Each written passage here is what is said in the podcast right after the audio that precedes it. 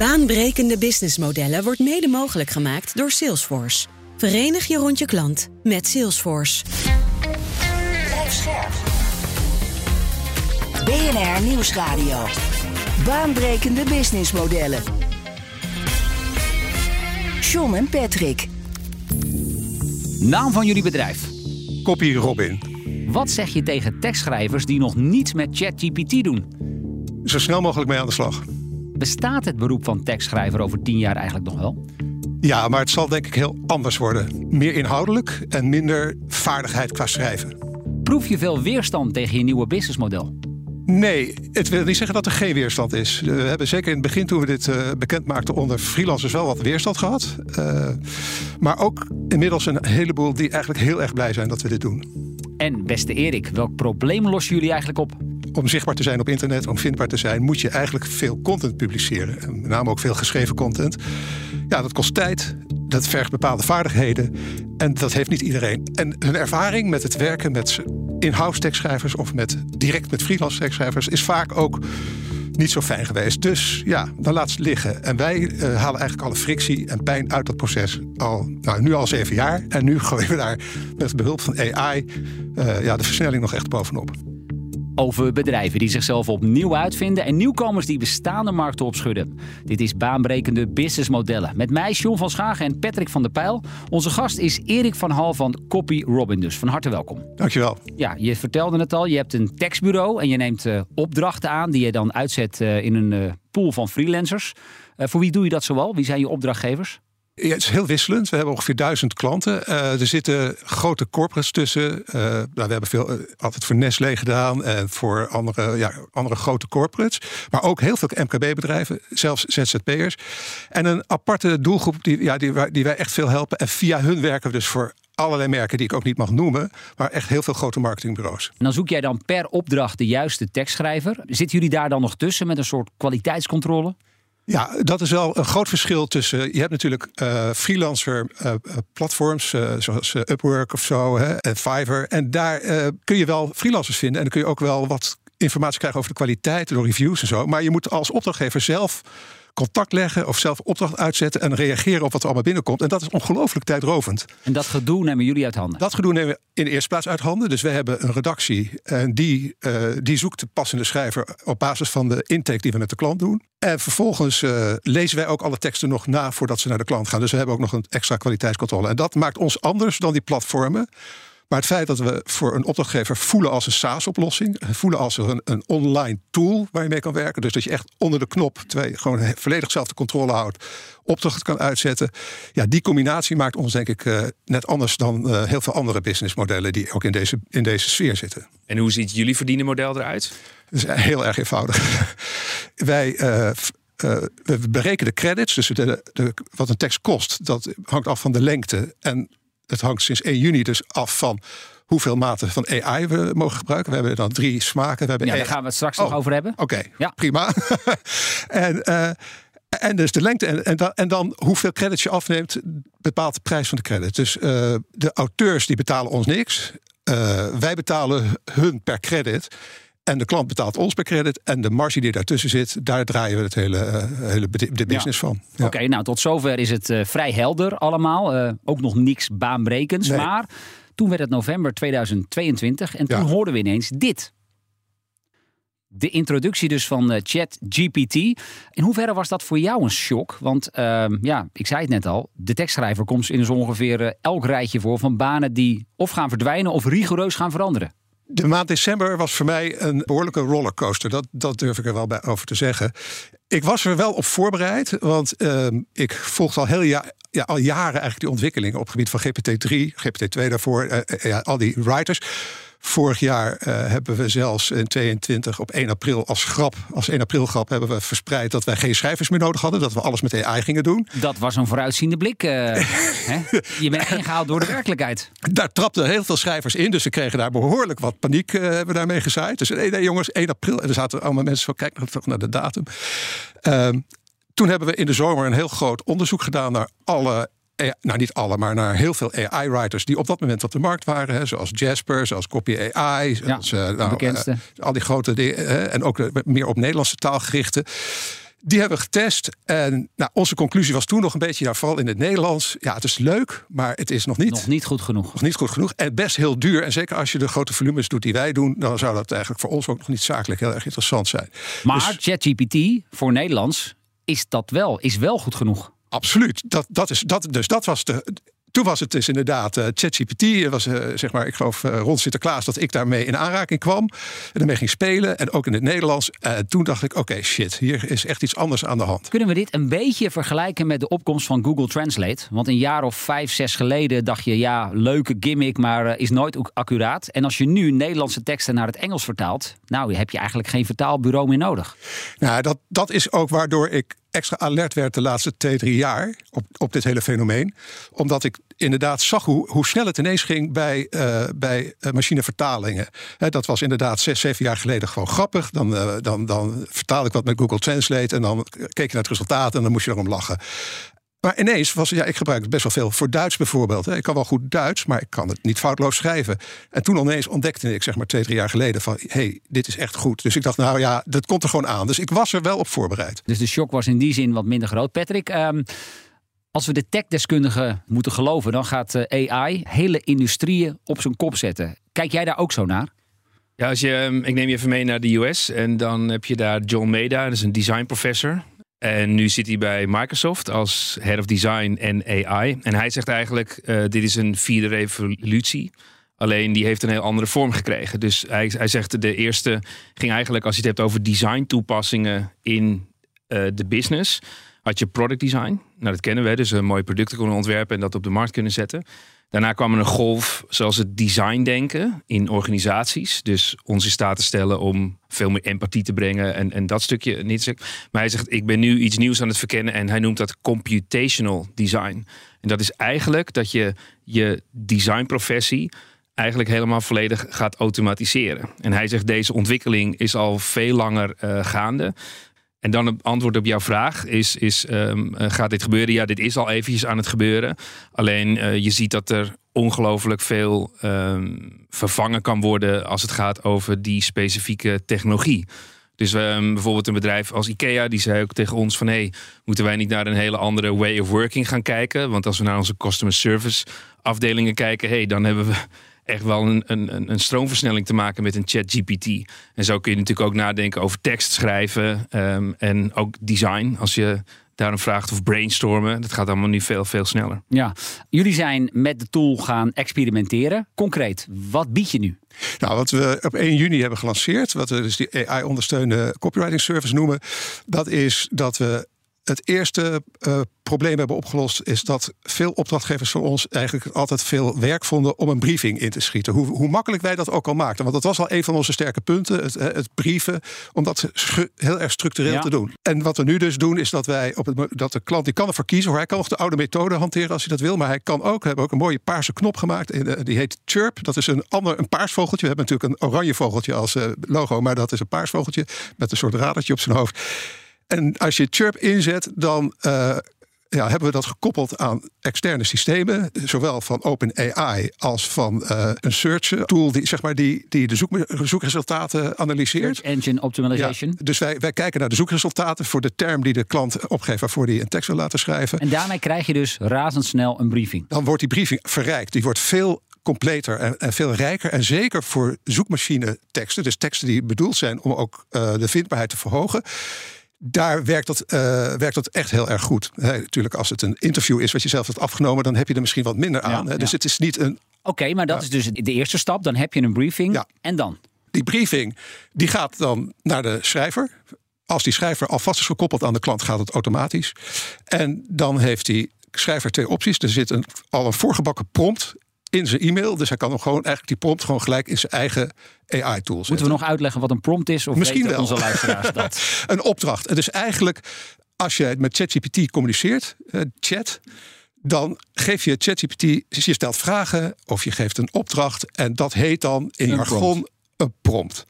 En, eh, eh, en wij maken zo'n opdracht op basis van wat wij al van de klant weten, wat de klant zelf al heeft ingevuld en de specifieke briefing van dat moment. En, eh, En dat verrijkt in feite, want ja, heel veel freelance schrijvers, die sowieso al een tijdje sceptisch hebben gestaan tegenover deze hele ontwikkeling, ja, die zijn nog niet zo heel erg goed in het prompten. Dus wij willen eigenlijk dat, dat ook een beetje bij ons houden.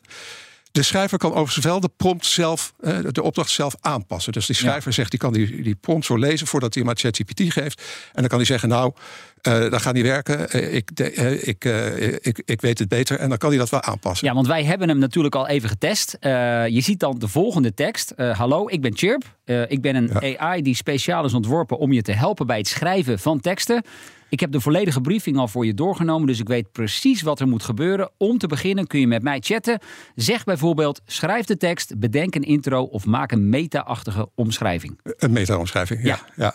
Nou, dus de, die schrijver die weet al wel, die, kijkt, die kan ook bijvoorbeeld op een outline. Kijk, wat, wat, wat een, een, nog een, een, een tekortkoming aan ChatGPT op dit moment is, dat het meestal niet al te lange teksten kan produceren. Dus als, jij, als de opdracht van de klant is, schrijf een artikel van 2000 woorden dan gaat ChatGPT dat niet in één keer uit, uh, uitspugen. Dat komt dan misschien, als je een goede prompt hebt geschreven, uh, komt er misschien 600, 800 woorden maximaal uit. En ja, dus die schrijver dan, kan dat dan beter in stappen gaan doen. Dan kan hij beter zeggen van nou, ik maak eerst een outline op basis van deze. En dan zeg je vervolgens, nou, ga dan per hoofdstuk of per alinea die outline verder uitschrijven. Ja, dus voor de studenten onder onze luisteraars, de scripties, die zijn nog eventjes uh, niet mogelijk. Nee. Ja, het is wel mogelijk, maar het blijft veel werk. Ja. Het is, kijk, ChatGPT is gewoon een, een, tool die je daarbij kan helpen. Ja. Voordat we ook even gaan kijken naar de propositie die jij dan hebt naar jouw eindklant, uh, de opdrachtgevers. Even uh, bij jou inchecken, Patrick. Als je dit zo hoort, wat, wat, wat denk je nu? Nou, kijk, um, wij zitten ook aan de voorkant voor dat soort ontwikkelingen, omdat we nadenken over innovatie, strategie. Uh, ja, het werkt. Um, alleen het kan je helpen versnellen om dingen beter te kunnen doen. En dat betekent bijvoorbeeld als je gaat brainstormen, dan kun je bijvoorbeeld de vraag stellen: kom eens met uh, tien nieuwe ideeën om uh, een radio-uitzending beter te kunnen doen. Alleen als je dan een prompt maakt door te zeggen: uh, gooi het in die en die tabel en in een categorie. En het moet vooral grappig zijn. Dan zie je dat uiteindelijk die prompts en daarmee die kwaliteit ook vele malen beter wordt. Um, waar het je niet mee kan helpen is uh, de unknown unknowns. Dus iets wat je nog niet weet, um, wat jij nog niet weet kan, maar wat er nog niet bekend is en jij niet weet, daar gaat je ChatGPT natuurlijk niet bij helpen. Nee, het is wel echt een, een assistent. Hè? Ik hoor uh, Remy Gilling, hem horen we zo meteen nog, die zegt ook vaak: het is een soort superstagiair. Zo moet je het zien. Ja, het is, het is inderdaad. Uh, dat is ook de reactie die we krijgen van, van freelance schrijvers. Die eerst best sceptisch waren. Wij vragen naar elke opdracht, zowel aan de klant als aan de freelancer, feedback. En we zijn hier ach, zeg maar onder water al uh, een maand eerder mee begonnen, voor, e, voordat we in juni er live mee gingen. Dus al een maand lang stuurden we die prompt, uh, die opdrachten voor ChatGPT naar onze schrijvers. En dan vroegen we in de feedback van, wat vind je van die prompt? En dat was soms een echt heel een, een, een laag cijfer, een 2. We geven een score van 5, dus gaan ze een 2 of zo. En als commentaar van ja, uh, er kwam alleen maar hele vlakke taal uit. En, uh, maar soms ook heel positief. En, en steeds meer positief, omdat ze er een beetje aan, aan wennen. we kregen nu een schrijfster die bij ons uh, reageerde van... ja, ik was echt doodsbang voor ChatGPT. Ik, ik dacht echt dat, ja, dat het einde van mijn, werk, van mijn werkzame leven was aangebroken. En nu, dankzij jullie, nou, ik ben die, die angst heb ik nu overwonnen. Ik zie, nu dat, ik zie het nu als een vriend. BNR Nieuwsradio. Baanbrekende businessmodellen. Met deze keer alles over Copy Robin. Zometeen meer, maar nu eerst weer een nieuw businessmodel in de spotlights. En dat doen we deze keer met onze eigen AI-deskundige Remy Gilling. Zijn naam viel zojuist al even. En hij wil het deze keer hebben over... Hairstyle AI.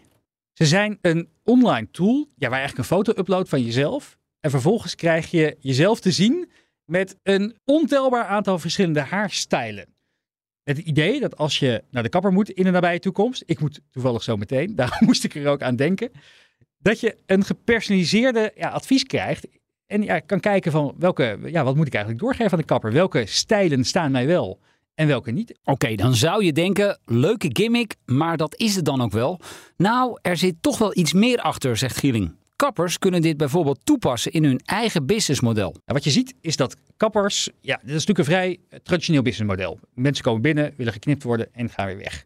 Kappers hadden denk ik niet het idee dat ze concurrentie zouden krijgen van grote techgiganten. Maar niets is minder waar. Amazon heeft in steden als Londen al de zogeheten Amazon Salon geopend.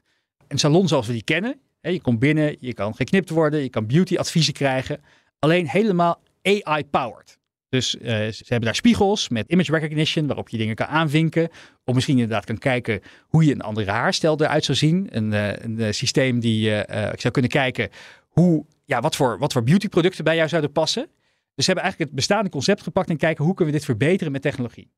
Het probleem daarmee is, is dat ja, kappers die hebben over het algemeen niet het technisch vernuft in huis om, om dit, dit soort systemen zelf te gaan bouwen. En ik denk met tooling, zoals hairstyle AI, dat het eigenlijk die markt gaat democratiseren. En hoe ziet dat er dan in de praktijk uit? Nou, je boekt online een afspraak en op de site kun je dan met die tool experimenteren met een nieuwe look. Inclusief advies van je persoonlijke beauty-assistent. Die misschien nog een beetje kan bijsturen van is het wel verstandig om die paarse koep uh, te gaan nemen. En ik denk dat daarmee ja, mens en machine nog beter met elkaar kunnen gaan samenwerken. En dat het dus voor het MKB heel toegankelijk wordt om ook te kunnen blijven concurreren met als Amazon één keer met een enorme zak geld voorbij komt. Remy Gilling was dat van AI.nl. Wij praten verder met uh, Erik van Hal van Copy Robin. Ook een businessmodel dat is gestoeld op AI. Um, die propositie naar klanten. Want daar zijn drie varianten, geloof ik. Hè? Welke zijn dat? Al een stukje geschiedenis eerst. We werkten eigenlijk de eerste jaren altijd met uh, standaard, creatief en expert. En dat, eigenlijk kwam het erop neer dat hoe meer input de klant gaf, hoe goedkoper uit die was. En hoe, meer, hoe minder de schrijver zich aan research hoefde te doen. Nou, dat hebben we nu veranderd in, de, in diezelfde volgorde. De standaard, dat heet nu AI-powered. En dat betekent dat de klant eigenlijk een vrij summiere briefing kan geven. Of gebruik kan maken van onze briefingstool om die briefing heel compleet te maken. En toch voor hetzelfde geld eigenlijk een betere tekst krijgen. Want die schrijver die krijgt eigenlijk al een tekst die. Uh, ja, die al behoorlijk is voorgebakken. Die kan dus meer een aandacht geven dan aan het factchecken sowieso. Want ChatGPT kan behoorlijk uh, fantasierijk zijn.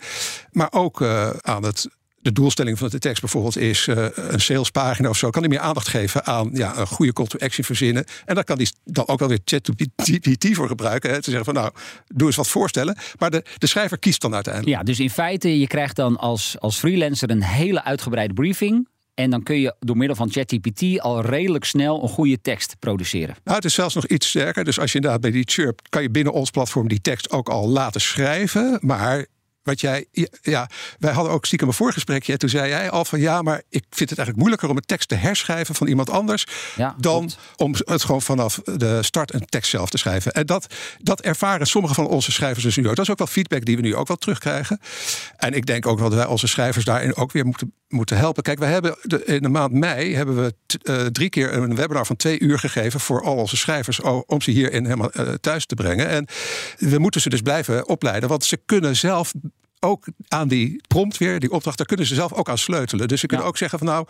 Uh, dan krijg ik weer zo'n standaard tekst eruit. Weet je wat? Ik, uh, dus daar moeten we ze natuurlijk wel in begeleiden. Ja, we waren bij de AI-powered ja, gebleven. AI dat is dus één. Nou, dan heb je AI-assisted. Een AI-assisted is wat vroeger creatief was. En dat is eigenlijk, dat, dat geeft de schrijver gewoon meer tijd om uh, bijvoorbeeld uh, achtergrond een interview te doen. Dus om de klant te bellen en uh, een kwartier of zo te overleggen over de inhoud, over wat ze willen bereiken met de tekst. En ook om er nog meer menselijke creativiteit aan te brengen. Ja, dus dat is smaak 2. Maar smaak 2. Nou, smaak 3 is eigenlijk heel ouderwets. Dat is, die noemen we 100% human. De oldschool manier. En dat is gewoon, er mag geen AI. Er zijn natuurlijk klanten die zeggen: ja, ik wil niet dat er AI aan te pas komt. En uh, dus dat faciliteren we met uh, 100% Human. Dat is een beetje een soort premium product. Net zo goed als je dat natuurlijk met heel veel producten hebt gekregen die erg zijn gecommoditiseerd, hè, zoals bier en zo. Ja, en dan krijg je weer ambachtelijk en, en, nou, en dat. Een ambachtelijk geschreven artikel. Ja, dat, dat faciliteren we uiteraard ook. Want ja, dat is ook voor onze schrijvers natuurlijk heel erg leuk. Maar, uh, maar en er zijn ook echt klanten die, daar, die dat gewoon heel graag willen. En wat heeft dit nou gedaan met je business? Hè? Dus uiteindelijk uh, zet je zo'n uh, schrijver in steroids in. Ja. En je laat dan zowel de klanten van profiteren als jezelf. Maar is nou dat het aantal opdrachten zijn toegenomen, afgenomen, gelijk gebleven? Kan je minder geld vragen? Hoe, Betere wat is kwaliteit, minder, ja? Het, het, is natuurlijk nog heel pril. Hè? Het, het is, uh, we zijn half, uh, half juni en uh, zijn 1 juni live gegaan. Dus over ik moet het nu hebben van gewoon reacties van, van bestaande klanten. We hebben sowieso best wel wat media-aandacht ermee gekregen. Dus ja, dat kan, zou ook wel kunnen. Nou zit je ook bij ons aan tafel natuurlijk. Ja. Dat, dat, zou natuurlijk ook kunnen helpen aan de groei van, uh, van, van, van CopyRobin uiteraard. Daar hoop ik natuurlijk ook al op. Ja, het voordeel is, kijk, het staat vast dat door die AI op deze manier te gebruiken... win je heel veel tijd. Er is gewoon binnen, de, binnen het hele proces van A tot Z met alle belanghebbenden, hè, dat zeggen ze altijd zo mooi stakeholders, maar ik zeg maar belanghebbenden die er zijn, dus de freelancer, de opdrachtgever en wij als platform. Wij samen met z'n drieën besparen gewoon heel veel tijd. En stel als je per jaar twee maanden tijd zou besparen, dan heb je dus twee maanden extra omzet, zou je dan willen? Nou, het is meer, het is voor ons eh, is, moet die omzet komen echt door groei, doordat meer mensen denken, hey, dat, dat echt een concurrentievoordeel. Dat mensen denken, hey, Copy Robin, daar, daar kan ik dus eigenlijk nu beter terecht, omdat sneller, ik beter. sneller en de, want de, de freelancers, de tekstschrijvers, die kunnen gewoon meer aandacht aan kwaliteit besteden. Maar zijn opdrachtgevers ook bereid om evenveel te betalen voor een AI-gegenereerde tekst dan een 100% human tekst? Nee, absoluut niet. Maar ze betalen ook, ook veel minder voor die AI-power tekst als voor die AI. En dan die AI. Dat, dat is echt de factor. Als je moet voorstellen, een tekst van uh, 400 woorden. Uh, maximaal tot 400 woorden. Die kost zeg maar uh, met AI-powered, met onze zeg maar de, de, laagste prijs per credit, dan moet je er wel eh, aardig wat afnemen. Uh, kost het 35 euro. En met uh, AI Assisted 70. En met AI 100% Human 105. En als ik jou die um, teksten voor zou leggen en niet vertellen waar het vandaan komt, kan jij dan ChatGPT van Human onderscheiden? Ik denk het wel. Uh, je, mag het, je mag me testen. Sowieso bij mailings die je krijgt. Die beginnen met ChatGPT bijna altijd met... ik hoop dat het goed met je gaat. Uh, oh, ja. Dat is verdacht. heel verdacht, dus dat kan je eigenlijk niet meer zeggen. nooit in een mail. Nee, nee, nee. Dus, hè, dus uh, ik gebruik dat zelf ook. Ik gebruik ChatGPT voor bijna alles wat los en vast zit in mijn business inmiddels. Hè. De, ik bedoel, maar dit is, ik praat nu even over onze eigen werkprocessen, onze workflows. Maar um, ja, je het, ik denk dat dat steeds moeilijker wordt, omdat het gewoon steeds beter. Het wordt echt gewoon steeds beter. En de, de toegevoegde waarde van de, van de mens, daar moet ik nu voor waken, want dat is onze toegevoegde waarde. ik, ik dacht in, in, december 2022, dus toen ik eventjes even die paniekmoment had van ja, wat betekent dit allemaal? Nou, toen uh, dacht ik uiteindelijk van, nou ja, oké, best of both worlds. Dat is wat copywriting moet bieden. Weet je, ik kan niet uh, me helemaal, ik ga niet nu een soort AI-writer business worden. Dus zeg maar een soort SaaS-oplossing. Ja, net, want daar waren er al zoveel. Ja, ik denk, ik kies. Onze grote kracht is toch de mensen die we hebben. Maar en, dat vind ik wel interessant wat je zegt, uh, want we hebben het nu over ChatGPT. 3. 4 is er al. Dus ja. daar maken jullie al wel gebruik van. Ja. Nou, 5, 6, 7, 8, die gaan er ook ja. komen. De vraag is wel, hoe lang zijn die tekstschrijvers nog nodig? Gaan we niet naar een model dat jouw opdrachtgevers zelf naar ChatGPT gaan en daar hun prompt uh, in noteren en daar hebben ze jou niet meer bij nodig? Nou ja, dat, dat kan. Voorzeker. Kijk, wij zien ook dat bepaalde klanten ons niet meer nodig hebben. Hè? Dus uh, om een voorbeeld te geven. Nou, een klant uh, die was, had, had opgezegd ergens in, in maart of april. Ik bel dan altijd na van, goh, wat, uh, wat, waarom heb je opgezegd? En die zei, ja, we doen nu alles met ChatGPT. En toen vroeg ik natuurlijk een beetje door. Uh, hoe gaat dat? Hoe bevalt het? Hij zei, nou weet je, we schreven, vroeger altijd schreef ik onze teksten zelf. En dat vond ik ontzettend leuk. Alleen ik had op een gegeven moment echt geen tijd meer voor. En nu met ChatGPT vind ik het weer leuk. Ja, ja. Ik vind het zelf weer leuk om die teksten te schrijven. Maar die andere klant die mij zei van... ja, dan moet ik nou weer een formulier gaan invullen voor twee minuten. Die zie ik niet in plaats van twee uur met een tekst uh, uh, sleutelen, uh, een half uur met ChatGPT aan een tekst werken. Die wil nog steeds gewoon dat iemand dat voor hem regelt. En dat is wat wij. Dat wat, en, en wij zullen dat denk ik altijd kunnen blijven doen. Ja, want ik denk als je het hebt over tekst schrijven, als je het echt zo benoemt, dan kun je wel zeggen dat dat eindig is. Alleen, um, ik denk dat je, uh, als je met bedrijven in gesprek gaat, dan zie je uiteindelijk dat je andere problemen gaat oplossen. Dus bijvoorbeeld, als je nu een website hebt uh, en je hebt eigenlijk te weinig tijd voor content en het is moeilijk om marketingmensen te vinden, dan kan je nu denken: wacht even, dit kan dus wel. En dan kan ik dus bij uh, Copy Robin een opdracht neer te leggen. Doe voor mij het hele jaar dit soort type content. En dan weet ik dat het uitbesteed is. En dan heb ik ineens een veel hogere contentproductie. En mijn website wordt beter bezocht. Dus ik denk dat het ook een misvatting is aan de ene kant. Als je in tekstschrijven blijft zitten, ja, dat gaat veranderen. Alleen het gaat ook andere problemen op een nieuwe manier op kunnen lossen. En daardoor ook ontstaat er weer nieuwe business. Kijk, wat we ook nu hebben ingevoerd, is iets wat we vroeger niet konden doen is we maken nu voor elke klant die bij ons uh, een, uh, een account aanmaakt, die, die, die de intake vragenlijst beantwoordt, krijgt hij binnen een paar uur een contentstrategie en een contentplanning voor, uh, voor zes maanden. Dat was tot voor kort onmogelijk. Onmogelijk. En nu is dat met, met ChatGPT is dat nou bij wijze van spreken. ChatGPT 4 is daar twee minuten mee bezig of zo. En dan moet je het nog een keertje goed nalezen. Uh, want ik, het is nog wel zeg maar een semi-geautomatiseerd proces. Ik durf het nog niet volledig te automatiseren, omdat er toch nog te vaak dingetjes in zit. En zo moet je wel tegen ChatGPT zeggen dat het nu 2023 is en niet 2021 en zo. Dat soort dingetjes. Dus, maar dat is al, en dat geven we nu ook gratis weg. Dus als klanten kunnen ook naar onze, hè, ik, als ik, ik weet niet of die URL mag noemen, maar daar kun je zeggen, als je daar je gegevens wat formuliertje invult, dan krijg je gewoon een gratis, eh, dat is nu voor ons dan een lead magnet, dan krijg je een, een gratis contentstrategie en planning voor zes maanden. En die is zo verrassend goed en die wordt zo ook steeds beter. Wij bieden nu ook uh, afbeeldingen aan met Midjourney bijvoorbeeld bij een blog. Dat deden we vroeger niet. We gingen niet uh, ook nog eens zitten zoeken in, uh, in, in Unsplash-achtige fotobanken, gratis fotobanken. Nou, dat was gewoon veel te tijdrovend. En gisteravond ehm, zei mijn vrouw van, hey, wat voor uitzending heb je morgen? Gaan jullie opnemen? Ik zeg, ja, het gaat over JetGPT. En ze keek me nog een keer aan. Ik weet niet waar je het over hebt. Toen Dean, die 12 is, die zei: Oh, dat weet ik wel. Want uh, ik moest laatst een artikeltje maken voor uh, Elon Musk uh, van 200 woorden. Nou, mam, dat doe je zo. Ja. Dus je ziet ook al dat eh, in Snapchat is die functie actief. Ja, en Dean zegt, uh, ik kan nu spreekbeurten gewoon uh, in één klap eruit uh, gooien. Ja, waanzinnig. Ja, waanzinnig. Aan de andere kant, nieuwe technologie roept ook altijd bij een deel van de mensen weerstand op. Um, je hebt een pool van een paar honderd freelancers. Hoe hebben die gereageerd? Daar zullen ongetwijfeld mensen tussen zitten die iets minder enthousiast zijn met dit initiatief. Ja, die zijn er ook. Dus er was, zeg maar, toen wij begonnen met die webinars, in het eerste webinar, uh, en daar hadden we ook een mailing natuurlijk naar al die freelancers gestuurd. En daar stond ook wel, had ik misschien een beetje onhandig geformuleerd. Daar stond in, nou, je, je zal ook een soort prompt engineer moeten worden.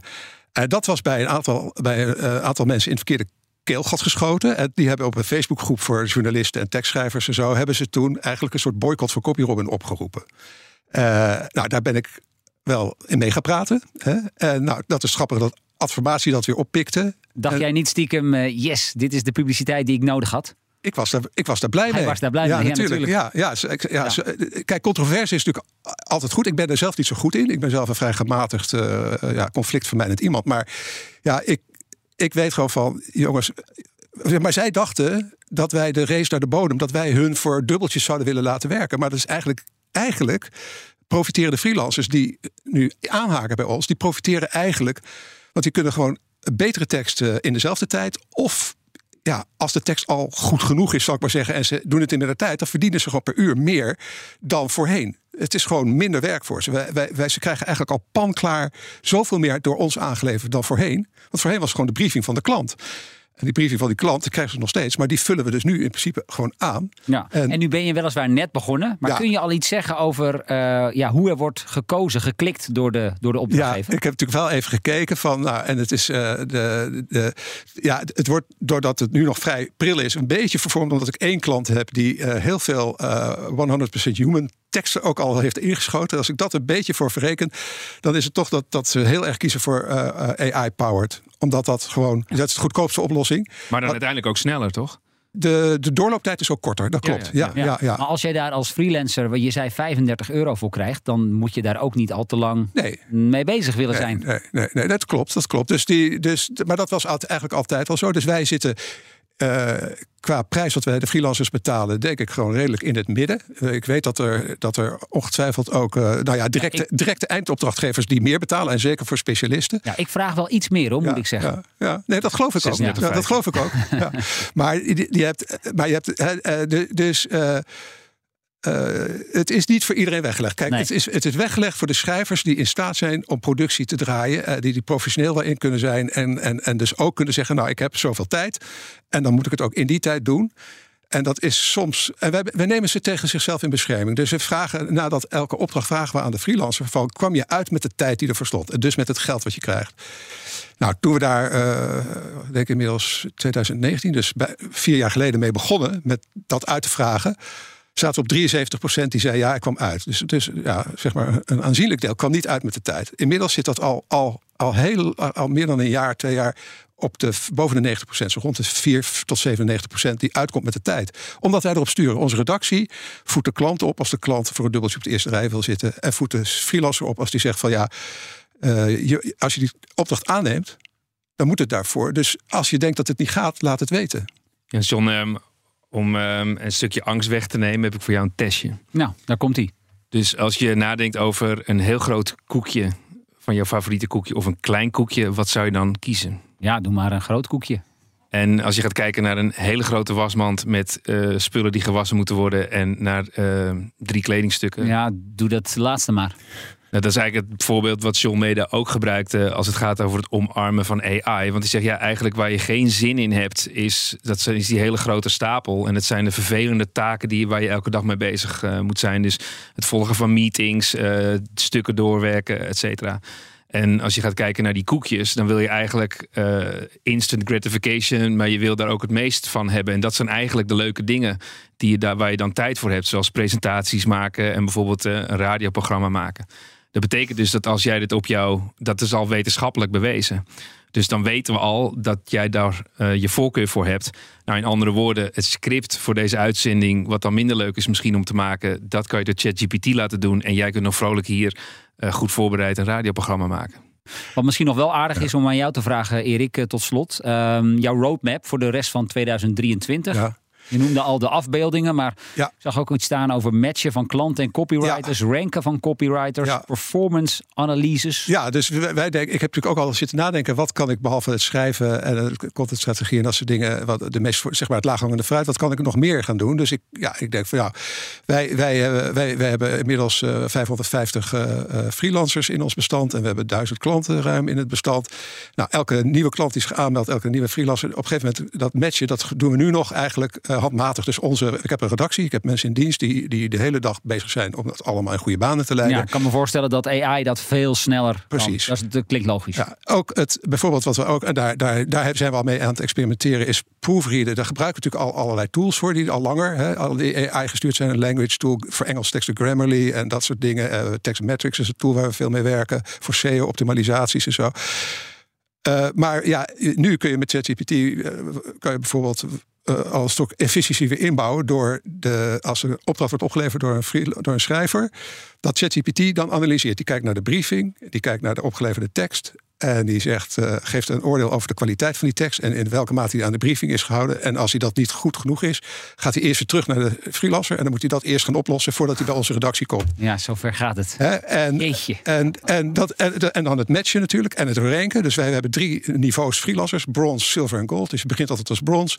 En, nou, en dan, daar hebben wij criteria aan. Dus nu redelijk veel objectieve criteria, maar ook subjectieve criteria. En nu is dus onze redactie die dat uiteindelijk bepaalt. Maar goed, daar, daar zit niet een systeem echt in. Dat gaat niet automatisch. Dus eigenlijk is het als een freelancer, en dat, als een freelancer nu luisteren, goed opletten.